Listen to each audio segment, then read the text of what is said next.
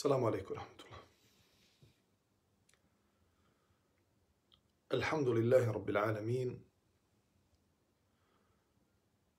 والصلاة والسلام على أشرف الأنبياء والمرسلين نبينا محمد وعلى آله وصحبه أجمعين اللهم علمنا ما ينفعنا وانفعنا بما علمتنا وزدنا علما يا كريم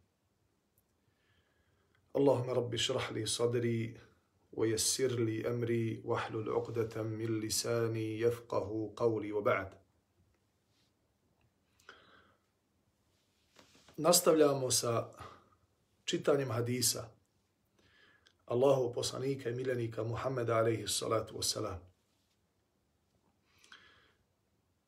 koji nam govori u ovim, kroz ove hadise o ponašanju jednog vjernika. I vidjet ćete da ovi hadisi često e, proizilaze iz iskustva jednog životnog. S tim da je Allah poslanik alaihi salatu wasalam dobivao vahi, objavu od Allaha Đalešanuhu, gdje ga je Allah Đalešanuhu pripremao, odgajao da bude vodilja, svijetla vodilja do sudnjega dana u svim segmentima života, pa tako i u moralu. I alaihi salatu wasalam je bio poznat po svom lijepom moralu i prije nego što je e, mu bio objavljen Kur'an i naravno nakon objave Kur'ana. O njegovom plemenitom moralu Allah Đelešanuhu svjedoči u Kur'an i Kerimu kada kaže ovo inneke la'ala hulukin azim i ti si o Muhammede veličanstvenoga morala. Allah Đelešanuhu e, daje potvrdu, svjedoči da je Muhammed alaihi salatu wasalam veličanstvenog morala. Naredni hadis nosi naslov koje želje nisu poželjne. Svi mi nešto želimo u životu. Svi mi e, dovimo Allahu Đerlešanuhu da nam dadne neke stvari. Međutim, Allahu poslanik, kao što prenosi plemeniti ashab Ebu Hureyre radijallahu anhu, na savjetuje na koji način da tražimo od Allaha Đerlešanu. Pa tako se od Ebu Hureyre prenosi da je Rasulullah sallallahu alaihi wasallam rekao kad neko nešto poželi, kada budete znači nešto poželjeli, pazite šta želite. To jest pazite šta tražite od Allaha u vidu želje, u vidu dove. Jer niko ne zna šta će mu biti dato. E, drugim riječima, ovaj hadis nas uči da kada se obraćamo Allahu Đelešanuhu, prije svega treba da mu se obraćamo sa ubjeđenjem da će nam Allah Đalešanu ispuniti tu dovu ili tu želju koju mi od njega tražimo. I to je čvrsto ubjeđenje, nada i e, e, želja vjernika da mu se gospodar svjetova odazove na njegovu dovu. I zbog toga i dovi Allahu Đelešanu, i zbog toga je uporan u tome, u, u, u, u stalnoj dovi, zato što se nada da će mu Allah to uslišati. Pa kada neko od nas nešto traži od gospodara svjetova, moćnog, onoga ko može sve, ko kaže za nešto budi ono biva, za jedan tren može da promijeni situaciju, pazimo šta tražimo. Zašto? Zato što može da se desi da mi nešto želimo u životu, a to nije dobro po nas. A mi u tom trenutku kada to želimo, ubijeđeni smo i kunemo se gospodarom svjetova, kunemo se Allahom Đelešanu, da je upravo to što tražimo ono što nam treba na ovome svijetu i na budućem svijetu. Međutim, nije to tako. I onda prođe određeno vrijeme, prođe nekoliko godina, mjeseci ili dana i mi se ubijedimo i ponovo se možemo da zakunemo Allahom, da ono što smo tada tražili, da to nema nikakve veze sa dobrom dunjalku i ahireta. Zašto se to dešava ljudima? Da u jednom momentu smatraju da je nešto dobro po njih, dok kad prođe određeno vrijeme, shvate da to nije bilo dobro po njih. Zato što nemaju dovoljno iskustva u životu. Zato što su e, nisu prošli kroz neke stvari u životu i nisu osjetili, ne znaju znači kako treba, znači kako neke stvari koje nam se prividno pričinjavaju da su dobre po nas, mogu također da se okrenu e, znači, e, kontra da budu za neko, za neko vrijeme kažeš pa subhanallah ja sam tražio to, pogledaj sad kako mi se ta, to isto natovrlo na belaj. E, u drugom hadisu Allahov poslanik nas savjetuje, kaže, pogledajte ovo, kaže, nemojte e, previše, nemojte previše e, voljeti voljenu osobu. Znači, nemojte pretjerivati u ljubavi prema voljenoj osobi. Možda jednoga dana ta voljena osoba ne bude više voljena. Možda to jednoga dana ta voljena osoba postane tvoj neprijatelj. A kaže, nemoj prema svome neprijatelju pretjerivati u mržnji. Možda jednoga dana taj neprijatelj postane tvoj bliski prijatelj. Znači, stvari su u životu promjenljive. I kada pitamo iskusne ljude, upravo će nam reći da je najbolje kada tražimo nešto od Allaha, da tražimo ono, gospodaru, daj mi ono što je najbolje za mene, za moj dunjaluk i moj ahiret. Nemoj spominjati stvari, jer gospodar zna kada je te stvorio, zna, zna tvoj kod, zna, zna tebe, šta ti treba. Nemoj, znači, sebi dozvoliti, nego traži gospodaru, daj mi dobro ovoga svijeta i dobro onoga svijeta. Shodno tome nas je praktično naučio Allahov poslanik kako treba dobiti od Allaha, od Allaha Đališanu i tražiti e, za dobro ovoga i onoga svijeta, Prvo nas Allah Đalešanu uči kroz kuranski ajet kada kaže Rabbena atina fi dunja hasana wa fil ahirati hasana wa qina adabe nar. Svi mi znamo ovu dovu, a oni koji ne znaju na, na prevodu na bosanski jezik, ona glasi Gospodaru moj, daj nam dobro ovoga svijeta i daj nam dobro ahireta i sačuvaj nas džehennemske vatre. Daj nam dobro ovoga svijeta. Koje je dobro koje je to dobro po nas? E, to Allah zna. Znači mi kada dovimo Allahu Đalešanuhu, najljepše su one dove koje su šamile. Šta znači šamile? Sve obuhvatne dove. Dove koje je često Allahu poslanik koristio kada kaže Allahumma qsim lena min hašjetike, ma tahulu bihi bejnena o bejne ma'asijetik gospodaru naš, Allahu naš, daj nam bogobojaznosti i straha od tebe, onoliko koliko je to dovoljno da bude jedna velika razdaljna između nas i grijeha, da, da se mi toliko od tebe bojimo, da je to dovoljno da mi imamo snage da zbog bogobojaznosti i straha od tebe i tvoje kazne, da možemo da ostavimo grije. ومن طاعتك ما تبلغنا به جنتك i daj nam gospodaru pomozi nas da budemo u tolikom ibadetu u tolikome znači posvećenosti tebi i obožavanju tebe da nas to obožavanje tebe i taj ibadet uvede u džennetska prostranstva. ومن اليقين ما تهون به علينا مصائب الدنيا i daj nam gospodaru od ubjeđenja onoliko koliko će nam dati snage da možemo da prebrodimo ovo dunjalučke prepreke. Musibete na dunjaluku. Zašto?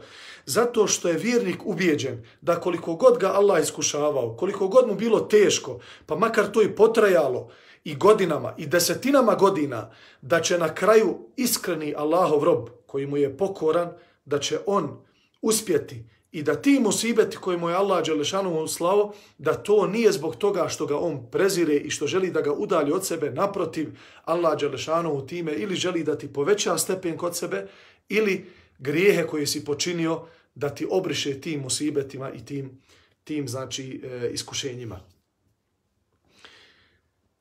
Zatim, Allahu poslanik sallallahu alaihi wasallam u drugoj dovi koja se prenosi od Aisha radijallahu anha kaže Allahumma inni as'aluke min al khayri kullihi ajilihi wa ajilihi.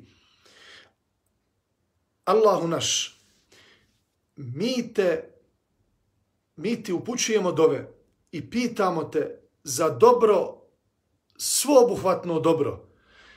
E, ađilihi wa ađilihi, ono trenutačno i ono što je odloženo.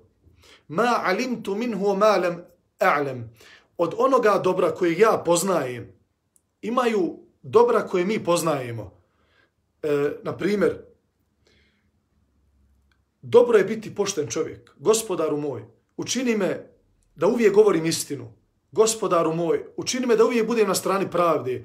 Gospodaru moj, daj mi da uvijek govorim istinu i da živim za istinu i da radim samo po istini. Gospodaru moj, učini me od onih koji kada imaju metak dijele ga na tvom putu, dje, e, utroše ga samo na halal način. Gospodaru moj, daj mi da radim za džennet. Gospodaru, udalji me od dijela koje me, koje me približavaju vatri. Znači, postoje mnogo stvari koje nas je Allah Đelešanohu obavijestio da je to opće dobro za vjernika. Međutim, postoje neke, neki momenti u životima našim u nekim odlukama.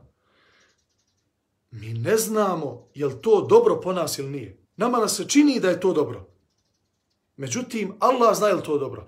Pa mi kada tražimo nešto od Allaha Đelešanuhu, kada tražimo nešto od tih naših ovodonjalčkih odabira, kada biramo supružnika, kada biramo posao, kada biramo e, da nešto kupimo, da se preselimo iz kuće u kuću, da krenemo na nek nekakvo putovanje i tako dalje, ili da e, neke druge stvari ovodonjalučke znači radimo, u tom momentu mi ne znamo je li to dobro po nas. Međutim,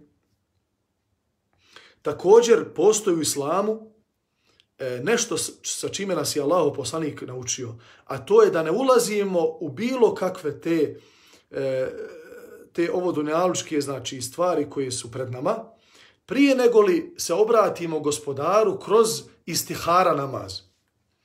Istihara namaz je e, vrsta dove koja se čini na način da se abdestimo,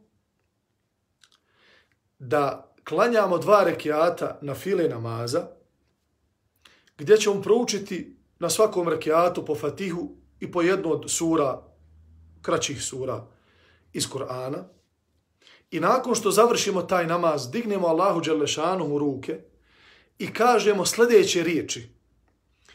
Allahumme inni estahiruke bi ilmike وَاَسْتَقْدِرُكَ بِقُدْرَتِكَ bi مِنْ فَضْلِكَ الْعَظِيمِ. Gospodaru, ja te u ovoj mojoj dovi pitam, znači pitam te za jedan izbor, ja želim sada da izaberem da li ću ići Da li ću nešto uraditi ili neću? Da li ću se zaposliti na ovom poslu ili neću? Da li ću se udati za, za ovoga ili da li ću oženiti tu i tu? Da li ću uh, uložiti svoje pare koje ima, svoj novac u određeni biznis ili neću? Ja te tvojom e, veličinom, to jeste tvojom, e, tvojom voljom i snagom i moći, molim, fa innaka taqdiru wala aqdir, jer ti si moćan, a ja nisam moćan. Wa anta ta'lamu wa la a'lam. I ti si onaj koji sve znaš, a ja ne znam. Wa anta 'allamu al-ghuyub. Eh, ovdje je ta stvar. I ti si onaj koji savršeno znaš skrivene stvari. Jer to su stvari od budućnosti, to su bud, u budućnosti stvari koje će se nama dešavati. I mi ne možemo da znamo šta će se nama desiti ako uđemo u tu stvar, ako je odlučimo da, da učinimo, šta će se desiti za godinu, za dvije. U ovom momentu ti si ubijeđan da je to dobro. Međutim, hoće li to biti dobro, trajno dobro za tebe? Hoće li to što je trenutno dobro pretvoriti se u zlo za tebe nakon određenog vremena? Ko to zna? To zna naš gospodar. E zato se mi njemu obraćamo kada nešto odlučujemo, da nam on uputi, pošto zna budućnost subhanahu wa ta'ala, a mi je ne znamo, wa anta allamul ti si onaj koji savršeno znaš skriveno, znaš budućnost, Kaže, Allahume in kunte ta'lamu hadha al-amra khayran li fi dini wa ma'ashi wa aqibati amri. Gospodaru, ako to što ja sada želim i ti navedeš šta želiš u svojoj dovi,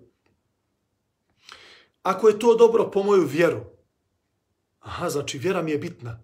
Bitno je da li će me moj supružnik podržati u vjeri. Bitno je da li će taj posao mene, e, meni uskraćivati osnovne elementarne vjerske propise. Da li ću ja moći da obavljam namaz u svojem vremenu ako budem se zaposlen na, tom poslu. Oma ajaši, da li ću ja moći normalno da živim? Veoma bitno da e, iako mi svi mi živimo na kraju za ahiret, svi mi živimo da na kraju Allah bude zadovoljan, ali ako naš dunjaluk ne bude sređen, ako naš dunjaluk i naš život na ovom svijetu ne bude usklađen, ne bude normalan, ne bude e, uređen, lijep,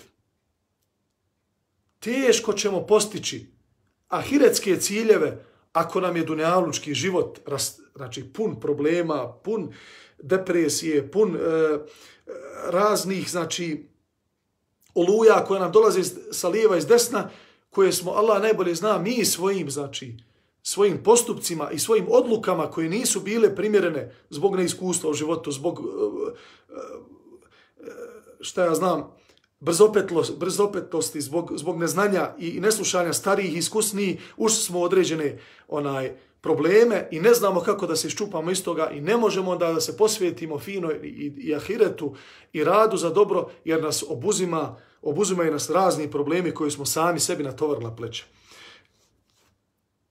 kaže u akibeti emri, gospodaru, ako je to što te ja, za, za, za što te ja molim, ako je to dobro za moj kraj, znači za kraj mog ovo dunjaličkog života, ja želim kada nešto odlučim, kada nešto radim, da to bude dobro za cijelokupan moj život, od početka do kraja. Pa gospodaru, ako je to sve dobro po moj ahiret, po moj dunjaluk, po, po moj život na ovome svijetu, olakšaj mi, daj mi to. Thumma barik li fi. I zatim ne samo da mi to daj, nemoj, nemoj mi samo to podariti, gospodaru, nego blagoslovi to što si mi dao. Daj mi beričeta u tome. Daj mi da je osjetim potpunu slast i, i tvoju sigurnost koju ti nudiš svojim robovima kada im dadneš dobro ovoga svijeta. Zatim, nastavak dove gospodaru, ako ti znaš da je to što ja želim zlo po moju vjeru, po moj dunjaluk, po, po moju završnicu s ovoga svijeta, udalji me od toga i udalji tu stvar od mene i daj mi ono što je najbolje za mene. E, e sve ove dove nas uče i životna iskustva nas uče I ovaj hadis koji Ebu Horeira radijallahu anhu prenosi, a imam Buharija ga navodi u svome dijelu Edebul Mufred, uče nas da ne dovijemo za svašta. I da dobro razmislimo o čemu mi to želimo da pitamo našeg gospodara da nam da, da nam podari.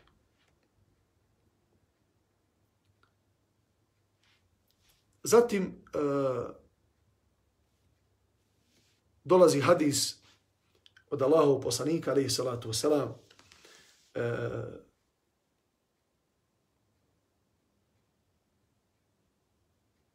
u kome mhm,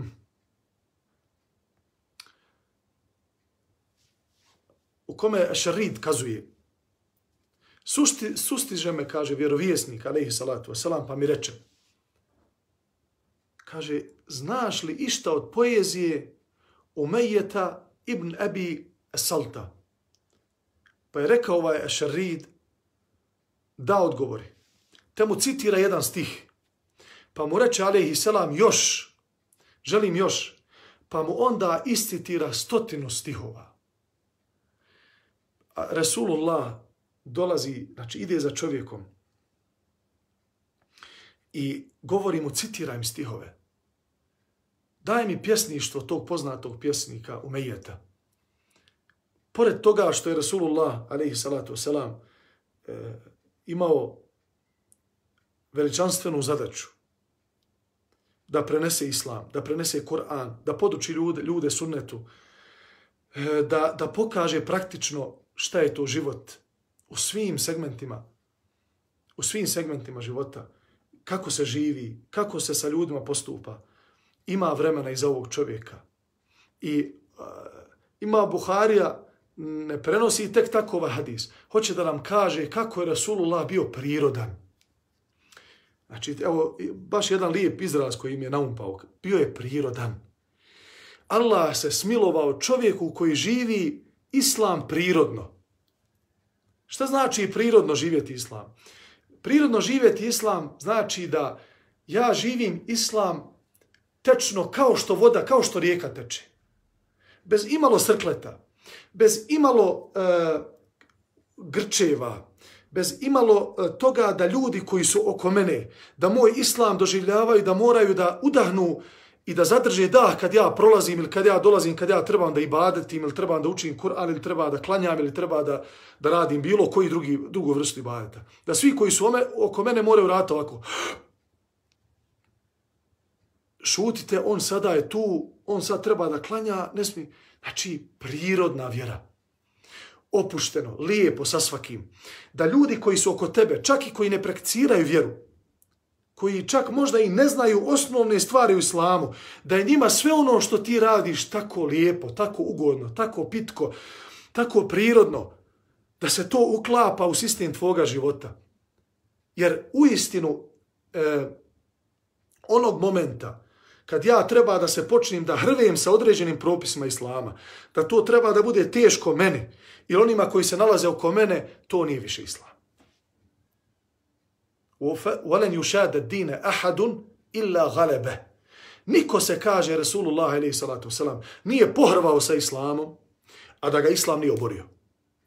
Nema tog čovjeka koji je pokušao da ide, da, da pretjeruje uvjeri, da ide do te mjere, ja ću sada stalno da ibadetim, ja ću sada, sad ću sada sve da zapostavim, samo da se posvetim Allahu. Dobro, i koliko ćeš izdržati? Naš kod e, prirodnog, e, znači prirode čovjeka, iskonski nam govori da čovjek nije stvoren samo da se zatvori u bogomolju da ibadeti. O, o, u onako istoj mjeri, koliko nije stvoren i nije spreman da zaboravi na Boga, da nas zaboravi na Allaha Đelešanu i, za, i, da, i da zapostavi Kur'an, da zapostavi vjeru i da živi samo materijalno i da, zadovo, da zadovoljava svojim tjelesnim potrebama. Nije, nije sposoban. Imamo na stotine primjera ljudi koji su sebi priuštili sve ovo dunjaličke blagodate i nisu sretni. Znači čovjek je jedno biće koje je e, kompleksno, koje Allah Đelešanu ga stvorio i kada ga je ovako stvorio, znači sastavio ga iz, iz duha, iz duše i tijela, dao mu je da ima dvije potrebe. A to je potreba za lijepim životom, za zdravom i halal hranom i pićem. Također ga je stvorio u, ne samo u, u, tom, u tom materijalnom svijetu, nego i jednom duhovnom gdje ima potrebu za Allahom, gdje ima potrebu za ibadetom, gdje ima potrebu za zikrullahom, za spominjanjem Allaha, da bi napravio balans između duha i tijela, između duše i tijela, između materijalnog i onoga što, je, što ostaje, što je duševno, što traje.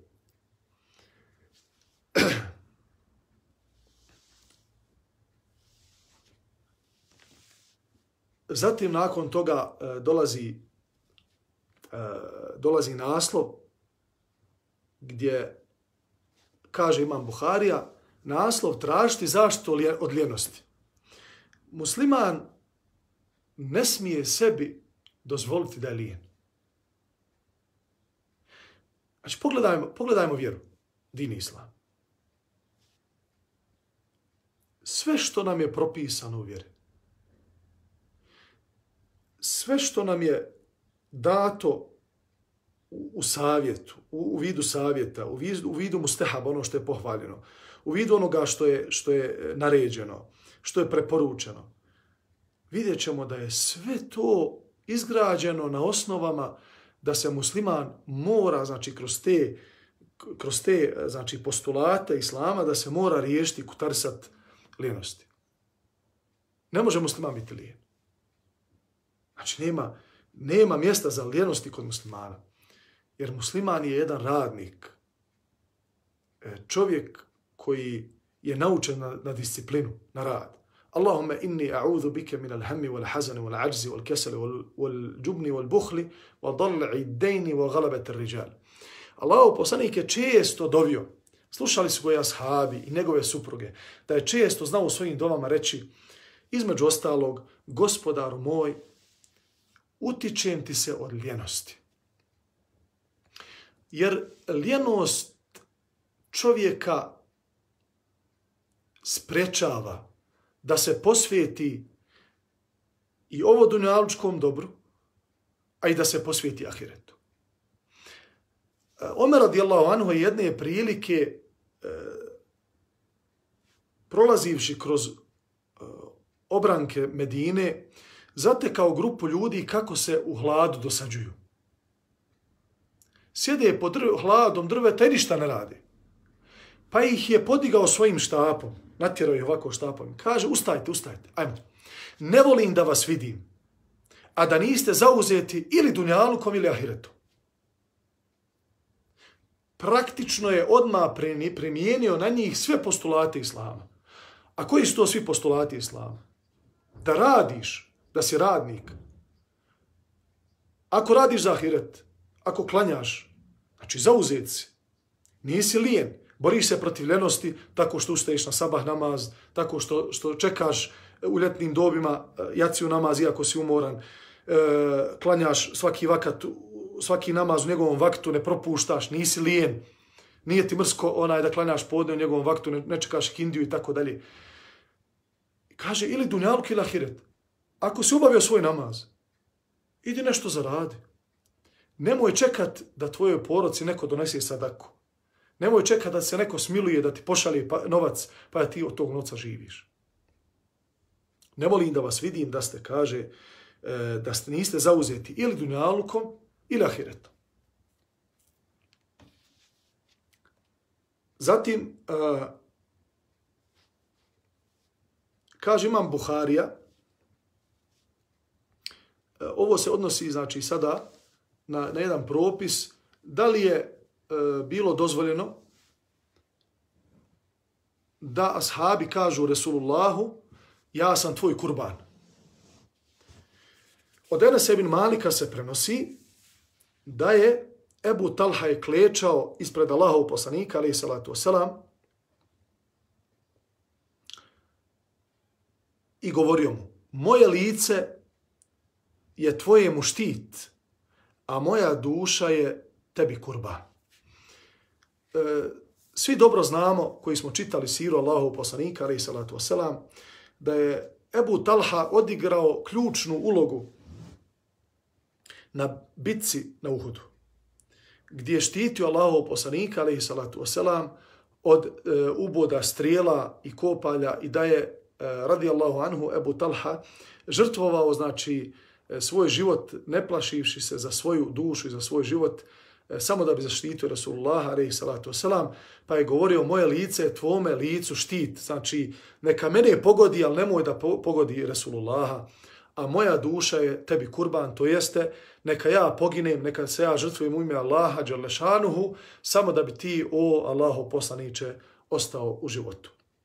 I nije e, spomenuto ono što, što se prenosi također e, od e, Ali radijallahu anhu, nije poznato da je Rasulullah alaihi salatu wasalam e, iza koga rekao moji roditelji su tebi kurban.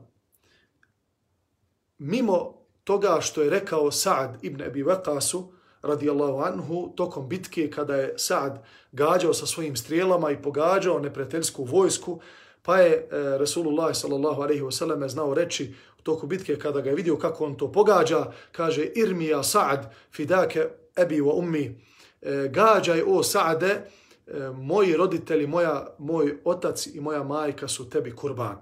E, da bi na taj način, znači, e, e, rekao ili izrazio se Allahov poslanik koliko je bitno to i koliko mu je drago što Sad ibn Abi Waqas na taj način znači sprečava neprijateljsku vojsku da E, dođu do Rasulullaha i do muslimana i da pobjede i da ne do Allah nakon toga napadnu na Medinu i da pobiju žene i djecu i samim time, znači kao što je e, to ispomenuo Rasulullah prije na dan ili na noć bitke u Bedru, kaže gospodaru moj, e, ako u sutrašnjem danu dozvoliš da neprijateljska vojska, mušrička vojska, pobije ovu malobrojnu skupinu muslimana, na zemlji neće niko biti ko će te obožavati. Znači, bit će pobijeni svi muslimani i na taj način će e, spominjanje tebe i e, u vidu monoteizma islam neće više živjeti na, na ovome svijetu.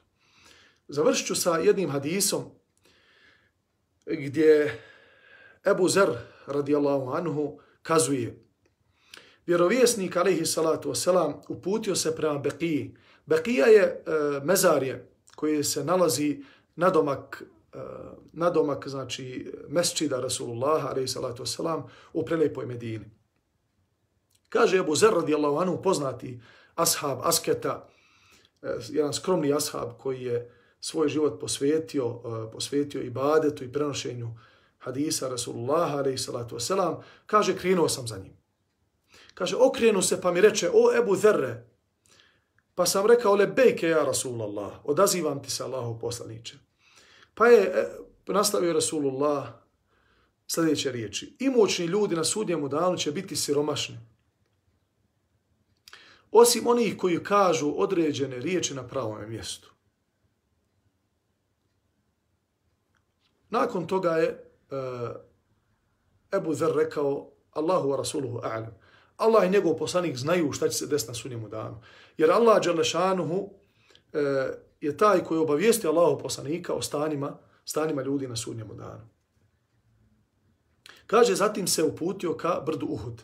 Pa je rekao, o Ebu Zerre, pa sam opet rekao, odazivam ti se Allahu poslaniče. Ja sam tvoj kurban, fidake, fidake ja Rasulallah. Zatim je rekao, ne bih volio da Muhammedova porodca ima zlata koliko je brdo Uhud, a da im od toga ostane makar jedan dinar ili jedan gram. Što znači da bi Rasulullah volio kada dobije veliki metak, pa makar on bio koliko brdo Uhud. A brdo Uhud, e, braćo i sestre, je 8 km dug. To je jedno ogromno brdo pored Medine. Kaže, ne bi volio da ostane koliko gram, volio bi da sve to podijelimo na, na Allahovom putu. Potom dođo smo do jedne doline, ali i selam se odvoji, a ja stadoh na jednu ivicu, jer sam, kaže, mislio da e, Resulullah se, ali i salatu selam, odvojio od mene, zato što imao potrebu da se odvoji. Znači, tio možda da ide pored sebe ili da, da nešto drugo obavi, pa sam ga, kaže, sačekao. Prošlo je malo duže vremena, pa sam se, kaže, uplašio za Resulullaha. U to čuh njegov glas, kao da sa nekim tiho razgovara. Zatim se nakon toga pojavi. Pa sam rekao, Allaho poslaniće, s kim si to razgovarao? Pa je Allaho poslanik upitao, kaže, zar si to čuo? Kaže, jesam. Zatim Rasulullah odgovori, to mi je bio to je mi je, kaže, bio došao Džibril, da me obavijesti da će svaki čovjek iz moga umeta koji umre, ne pripisivajući Allahu druga, ući u džennet. A ja ga upita, makar bludničio i krao, pa on reče da, makar bludničio i krao. Allaha Đerlešanuhu molimo da nam se smiluje, da nam oprosti grijehe, da nam podari znanje koje koristi i da se okoristimo o znanju koje nam Allah Đalešanu daje. Allaha molim da naš završetak na ovom svijetu bude najbolji završetak sa riječima na usnama La ilaha illallah, Muhammedu Rasulullah, a da to sve naše srce potvrdi i da naš život prije toga bude u skladu sa tim riječima. Ekul qavli hada, wastaghfirullah li velekum, do narednog predavanja i narednog druženja. Assalamu alaikum wa rahmatullahi ta'ala wa barakatuh.